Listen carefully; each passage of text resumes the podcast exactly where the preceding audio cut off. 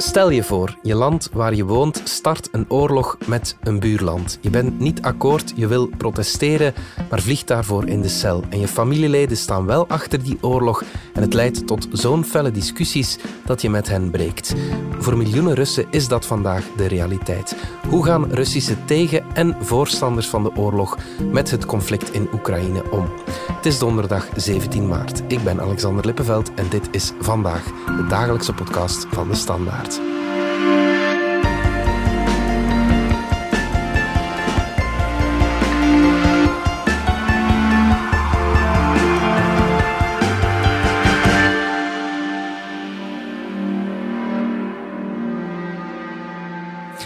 Sylvie van Ginneken, journalist bij onze krant. Je hebt jaren geleden zelf in Rusland gewoond. Je spreekt de taal. Nu probeer je voor de krant de vinger aan de pols te houden in Rusland. Hoe lukt dat? Het lukt, maar het is zeker niet meer evident sinds de nieuwe censuurwet, waar je zowel als burger als journalistiek medium eigenlijk tot 15 jaar cel voor kan krijgen. Die wet die impliceert dat mensen die een gevaar vormen voor de Russische maatschappij eigenlijk eh, opgepakt kunnen worden en tot 15 jaar cel kunnen krijgen of een boete tot 5 miljoen roebel. Concreet betekent dat bijvoorbeeld wanneer dat je als Rus het woord oorlog of invasie gaat gebruiken in plaats van speciale militaire operatie, dat ook die straffen boven jouw hoofd hangen. Ik sta nog wel in contact met tientallen Russen in Rusland momenteel en ook eh, met enkele Russen die in België verblijven. Hoe ben je in contact gekomen met al die mensen? Kan je hen gemakkelijk contacteren? Wel, dat is via allerlei verschillende wegen, omdat het ontzettend moeilijk was om mensen te vinden die willen praten over de oorlog door die censuurwet en angst voor repressies. Dat is eigenlijk via kennissen, maar ook via verschillende apps en ook wel versleutelde apps via sociale netwerken. Dat was eigenlijk een zoekwerkje en een puzzelwerkje van ongeveer twee weken. Kan je op basis van die getuigenissen een soort beeld vormen van hoe de Russen tegenover eh, de oorlog met Oekraïne staan? Wel, dat is heel gevarieerd. Een deel van de bevolking is uitermate apathisch geworden. Zij geloven ook niet dat er oorlog is. Zij volgen alle propagandakanalen van de staat. Een deel is heel erg boos, gefrustreerd en bang. En wil het land ontvluchten, wil protesteren, maar is heel erg bang voor repressie. Een ander deel gelooft natuurlijk ook wel echt dat er een vredesmissie gaande is en is daar enthousiast over ook. We brachten woensdag een podcast met collega Samira Atay over hoe ze getuigenissen uit Oekraïne te pakken kreeg. Ze vertelde dat Oekraïners heel graag hun verhaal kwijt willen. Ja, hoe zit dat bij de Russen? Willen ze, als je ze te pakken krijgt, willen ze dan, willen ze dan vertellen? Heel moeilijk. Ik denk dat ik in totaal bijna meer dan 90 mensen heb gehoord in Rusland zelf, om er uiteindelijk 34 te hebben die iets wilden zeggen. Oké, ja, dat is inderdaad niet eenvoudig. Je schreef onder meer over Katja, die in Moskou woont en aanvankelijk met haar volledige naam in de krant wilde. Maar uiteindelijk zag ze daar toch vanaf, hè? Ja, wel, Katja was eigenlijk een van de weinige personen die meteen zei: Ik ben niet bang in dit regime, ik weiger bang te zijn, dit is mijn woonplaats, ik verzet mij, plaats mij met naam en toenaam in de krant, alsjeblieft. Uh, maar enkele uren later contacteerde zij mij opnieuw en zei ze van alsjeblieft niet doen, um, want mijn zoontje van acht heeft op school bezoek gekregen van de inlichtingendienst, of toch een man die eruit zag alsof hij bij de inlichtingendienst hoorde. En die zijn daar komen vertellen wat ze met mama's en papa's doen, die gaan protesteren of die zeggen dat er oorlog is. En uh, dat zijn twee dingen die dan gebeuren. Ze stoppen mama en papa in de gevangenis en jij gaat naar het weeshuis. De school heeft ook flyers uitgedeeld in kindertaal, met daarop waarom protesteren gevaarlijk is. En dat werkt, verdorie. Mijn zoontje smeekt me nu met puppyoogjes om thuis te blijven. Ik word daar zo kwaad van. En dan maak ik mijn eigen kind bang omdat ik tegen hem uitvaar. Sorry, ik voel me zo machteloos. Dat zijn de woorden van Katja. Op die manier proberen ze ja, via kinderen mensen te indoctrineren. Dat is wel een heel bijzondere tactiek, hè? Wel, wat ze vooral proberen is om schoolgaande kinderen mee te krijgen in dat verhaal. Ja. En om schoolgaande kinderen vooral uit te leggen ja, dat ze ook wel een soort van controle moeten uitvoeren op hun ouders. Wat toch beangstigend is. Ja, zeker. Er is ook een bepaalde generatiekloof die Katja aanhaalde. Ja, klopt. Katja vertelde mij en nog verschillende contacten vertelden mij daarover dat eigenlijk jongere Russen die nog weten hoe ze um, beperkingen op internet en zo verder moeten omzeilen, mhm. makkelijker aan informatie raken, makkelijker positief staan ten opzichte van de NAVO, een genuanceerder beeld hebben over Amerika, mhm. maar dat vanaf een jaar of 40, 45 um, meer Russen eigenlijk de staatstelevisie televisie en de Kremlin getrouwe kranten nemen als bron. Mhm. En zij geloven ook dan echt wel dat er eigenlijk niets aan de hand is, behalve een ongelooflijke agressie eh, van het Westen uit. Mhm. Die moet gestopt worden. Ja, dan is zo'n ja, zo'n kloof natuurlijk niet, niet onlogisch. Hoe raak je nog aan betrouwbare informatie? Wel, dat wordt natuurlijk steeds moeilijker en moeilijker. Uh, Facebook is afgesloten, Twitter is afgesloten, Instagram is afgesloten. Nu, afgesloten blijft relatief, want mensen die een beetje digital savvy zijn, kunnen nog wel via een veranderde VPN-verbinding of andere trucjes toch nog aan nieuws raken. Ja, oké. Het zit ook namelijk zo dat buitenlandse media volgen wordt ook heel erg moeilijk. Hè. Mhm. BBC wordt afgesloten, CNN, de New York Times, de Financial Times, dat gaat allemaal verdacht trager, hoor ik van mijn contacten. Mhm. Dus je moet echt wel als Rus in Rusland actief op zoek gaan naar informatie, mhm. zelf heel goed kunnen selecteren en dan ook nog eens de handleiding doorgeven aan iemand die ook gaat begrijpen wat je bedoelt daarmee. Je haalde die censuurwet al aan. Hoe bescherm je je contacten daartegen?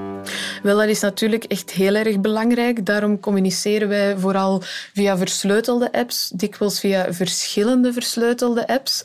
En proberen zelfs wij daar de woorden oorlog en invasie zoveel mogelijk te vermijden. Ja. Dat klinkt overdreven, maar een vrouw die ik sprak bijvoorbeeld zei tegen mij: Ik kan niet met een vaste lijn met jou bellen, hm? want een van mijn buurvrouwen heeft met de Europese pers gebeld en de dag daarna is ze opgepakt voor verhoor. Ja, Oké, dat wil veel zeggen. En uiteraard gebruiken wij ook eh, nooit de namen van die personen, mhm. omdat die natuurlijk makkelijk traceerbaar zijn als we ze voluit beginnen in de krant te schrijven.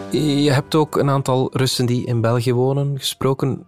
Voelen zij meer anti-Russische gevoelens van andere, van andere mensen?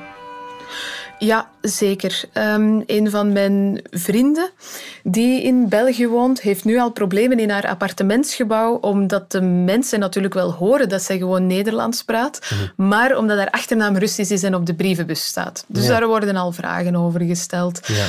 Andere Russen hier in België die ik hoor, die proberen zich vooral echt te distancieren van Poetin mhm. en proberen duidelijk te maken waarom zij niet echt specifiek over hun familie kunnen praten, om dat ze eigenlijk schrik hebben voor repercussies en voor arrestaties. Het is niet alleen voor burgers uh, gevaarlijk. Ook buitenlandse journalisten lopen gevaar. Ook wij proberen onze medewerkers in Rusland zelf niet in gevaar te brengen. Hè? Dat klopt ook. Wij proberen binnen die lijnen van de censuur, hoe absurd dat ook soms voor ons mag klinken, ook wij proberen binnen die lijnen te werken om onze eigen mensen te beschermen eigenlijk daar. Mhm. We gaan er nu vanuit dat alle Russen tegen de oorlog zijn en vastzitten in Rusland. Maar dat is niet zo. Je sprak een aantal mensen die, ja, die echt wel pro-Poetin zijn en blijven. Zeker, dat klopt. Naast die, uh, naast die laag van apathische mensen, mhm. die wat in slaap zijn gewiegd door de staatstelevisie, is er ook uiteraard een deel van de Russische bevolking die de invasie van Poetin steunt. Mhm. Die eigenlijk niets wil weten over de oorlogsmisdaden, over de schade, over de burgerslachtoffers. Mhm. Zo sprak ik bijvoorbeeld met Sergej. Wij kennen elkaar ondertussen al tien jaar lang. Mhm. Maar hij werkt ondertussen op een ministerie. Mhm. En die zei me dat we niet meer kunnen praten zolang ik niet bij zinnen kom. Want dat het duidelijk is dat de NAVO daar neonazis ook heeft geplaatst, zelfs in Kiev. En dat die daar weg moeten. Dat je nu denkt dat de Russen bang zijn, geeft blijk van je inherent westerse gebrek. Hier scheiden onze wegen, tot je bij zinnen komt. Ja, Oké, einde van de vriendschap of hoe, hoe, zie je dat? Einde van de vriendschap. Ja, hij heeft dat zelf beslist, einde van de vriendschap. Ja. Anderzijds zijn er ook mensen natuurlijk, en vooral dan van die oudere generatie waarover ik daar juist sprak, die eigenlijk het gevoel hebben dat er ook echt niets aan de hand is. Mhm. Dat het maar een kleine kleinschalige vredesmissie is, die gedwarsboomd wordt door de NAVO. Ik sprak iemand die zei, ja, de implantaten voor het gebit van mijn moeder worden nu al niet meer geleverd omdat ze van Duitse makelij zijn. Ik ben er zeer bezorgd over. Mijn moeder zegt, goh, die zullen wel komen. Ja, Duitsland kan niet zonder Rusland. Ja, Ze kunnen niet zonder onze economie. Mhm, mhm, mhm. Dus zij kijken op een heel andere manier naar die oorlog dan wij. Het Westen probeert Rusland tegen te houden door vooral in te zetten op economische sancties. Het is vooral de bedoeling om de rijke Russen en politici te raken, dat zei Alexander de Croo toch? Laat het duidelijk zijn. Deze sancties hebben niet als doel de Russische bevolking te raken. Maar ze moeten de druk opvoeren op het autocratische regime dat vandaag in het Kremlin zetelt. Lukt dat ook? Als we objectief kijken, gebeurt er natuurlijk heel wat. De inflatie gaat allicht op 20% stijgen. De meeste oligarchen hebben hun jachten aan de ketting liggen. Ehm, als je rondkijkt in het straatbeeld, Starbucks, McDonald's, Apple, alles sluit. Mhm. Maar dat wil nog niet zeggen dat de opinie van de Rus eigenlijk verandert. Want hun leven ja, wordt toch op een ja, stevige manier geïmpacteerd. Hè. Het is misschien maar niet meer naar de Starbucks gaan, maar als al die symbolen wegvallen... Ja. Zeker, maar op de staatstelevisie bijvoorbeeld eh, wordt nu heel erg aangemoedigd dat je dat ook niet meer doet. Want mhm. dat zijn de verraders van het Westen. Dus neem een Russisch alternatief. Mhm. Maar ja, als je dat gaat voelen, als die inflatie ja, volledig de pan uitswingt en je leven duurder wordt, zal er dan niet wat meer weerstand zijn tegen de oorlog? Als ik hoor dat sommige mensen nu al een nieuwe laptop moeten kopen en daar 70% meer voor betalen en dat de prijs van groenten en fruit, die al verdubbeld was het afgelopen jaar, nog eens dreigt te verdubbelen, mhm. dan denk ik zeker wel dat mensen het zullen voelen. De vraag is, bij wie gaan ze de schuld leggen? Ja, dan leggen ze de schuld misschien eerder bij het Westen. Zijn er veel mensen die willen vertrekken en kunnen ze dat? Het is niet berekend hoeveel mensen willen vertrekken, mhm. maar die signalen zijn er wel. Nu moet je er ook rekening mee houden dat niet alle mensen kunnen vertrekken. Mhm. Ongeveer 40% van de Russen heeft geen spaargeld meer. Mhm. Ze kunnen ook geen andere taal dan het Russisch. Dus eh, gaan ze dan Russisch spreken in het land waarnaar ze gevlucht zijn, waar mogelijk ook weer die Russofobie heerst. Moeilijk.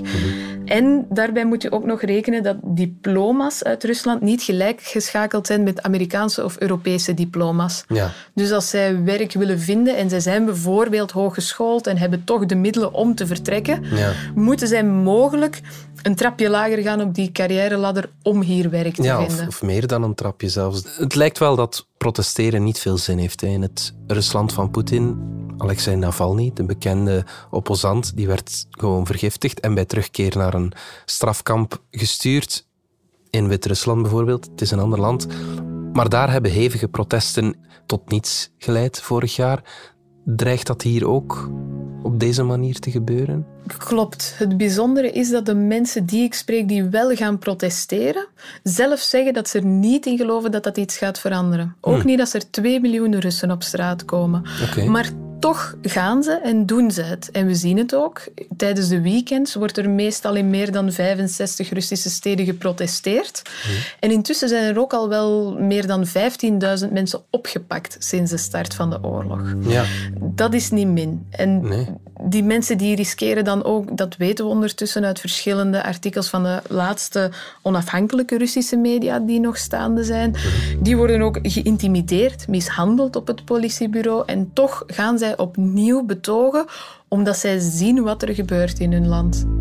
Ze bleven op mijn armen en in mijn gezicht slaan met de vlakke hand. Ze vroegen: Zit je op de UNIF? We kunnen alles van je wegnemen, meisje. Je hebt nu geen rechten meer. Toen sloegen ze me weer in het gezicht. Ik ben nog altijd boos op mezelf dat ik begon te huilen. Ik had mezelf voorgenomen om dat niet te doen. Zijn er in die omstandigheden veel prominente mensen die zich openlijk verzetten? Ja, die zijn er wel. Al is dat meestal digitaal in een soort van protestbrief. Zo zijn er al een 7000 burgemeesters of schepenen die hebben gezegd stop deze oorlog, stop deze waanzin, was de slagzin van hun uh, protestbrief. Mhm. Er zijn ook een 30.000-tal Russische IT'ers die een open brief hebben ondertekend tegen de oorlog. Vele daarvan zijn ondertussen hun werk verloren. Ja, okay. Dat is een, uh, een repercussie die je er helaas bij moet nemen nu. Ja, ja, en ook de werknemers van Lukoil, dat is tenslotte het tweede grootste energiebedrijf in Rusland, hebben een soortgelijke brief ondertekend en op hun website geplaatst. Dat was wel heel snel offline, maar dat is alsnog viraal gegaan. Ja, oké. Het wil natuurlijk niet zeggen als er op grote schaal iets gebeurt dat het minder belang heeft dan wanneer er iets op kleine schaal gebeurt. Omdat het ook wel veelzeggend is dat er bijvoorbeeld 14 studenten uit de Unie van Sint-Petersburg zijn gezet. Omdat ze twee keer een vlag met geen oorlog uit hun uh, kot hadden gehangen uit het raam. Ja, die onafhankelijke media, hoe, hoe kunnen die nog werken? De meeste, al dan niet bijna alle onafhankelijke media zijn gestopt met werken. Het enige onafhankelijke televisiekanaal Dosh TV. Mhm. Zij zijn bijvoorbeeld, de hoofdredacteur daarvan is bijvoorbeeld gevlucht naar Georgië. Mhm. En nu Novaya Gazeta, de kwaliteitskrant, die ook onder leiding staat van een Nobelprijswinnaar, die is nog aan het werk, mhm. maar zij proberen de censuurwet zo goed als mogelijk na te leven. Ja. Bijvoorbeeld het bord van de Russische journalisten die tijdens het journaal daar voorbij kwam met geen oorlog. Ja. Zij hebben dat woord oorlog hebben zij uitgewist op de voorpagina van hun krant. Okay. Kan je wat meer vertellen over die protestactie op de staatstelevisie? Dat was eigenlijk vrij ongelooflijk gezien het huidige klimaat van de media in Rusland. Dus die vrouw die heeft, zegt ze, twee nachten wakker gelegen. Die werkt bij Pierre Kanaal, mhm. de staatstelevisie van Rusland, staatsomroep. En zij heeft dan toch uiteindelijk besloten om een groot papier te maken met geen oorlog. Mhm. Men liegt tegen jullie. Mhm. En ze is daarmee live binnengevallen in het journaal, terwijl een van de boegbeelden van de Russische propaganda zat voor te lezen eigenlijk. Zij heeft ook onverstoord verder gelezen, terwijl die vrouw met dat blad van links naar rechts liep daarachter. Ja. Российский премьер подчеркнул, надо усилить сотрудничество в рамках союзного государства. А на совещании в правительстве обсуждали, как сохранить доступность российской Twee uur later al is zij opgepakt geweest. Ze is een moeder van twee minderjarige kinderen. Hmm. Ze heeft nu een, een, een, boete gekregen van een 260 euro. Maar zij weet ook dat er nog meer juridische acties kunnen komen. Hmm. En toch heeft ze dat gedaan. In een begeleidend filmpje vooraf heeft ze ook gezegd waarom. То, что сейчас происходит на Украине, это преступление. И Россия страна-агрессор. И ответственность за эту агрессию... Namelijk omdat ze niet langer wilde meewerken aan de propaganda en dat ze al die onjuistheden elke dag zag gebracht worden op de televisie, terwijl ze heel goed wist dat er correctere beelden waren. Ja. Zal het van mensen als zij moeten komen om de modale rust te doen keren, denk je? Dat is een heel moeilijke vraag, omdat de modale rust doen keren, daarvan weten we dat het Russische volk redelijk volhardend is. Uh, ook wel wat ontbering kan hebben. Zoals in de jaren negentig. Dat ze echt jarenlang kunnen aanschuiven, bij wijze van spreken, in de rij voor een brood, voor ze daarvoor in opstand komen. Dus Rusland-kenners en ook wel enkele mensen waarmee ik belde de afgelopen weken, die hopen eigenlijk bijna, en dat is bizar, dat er een militaire coup komt in het Kremlin. Hmm. En dat uh, Poetin zo aan de kant wordt geschoven. Ja, oké. Niemand die ik sprak gelooft dat het echt van de Russische bevolking zelf zal komen. Ja, oké. Goed, Sylvie van Genken, dankjewel. Graag gedaan.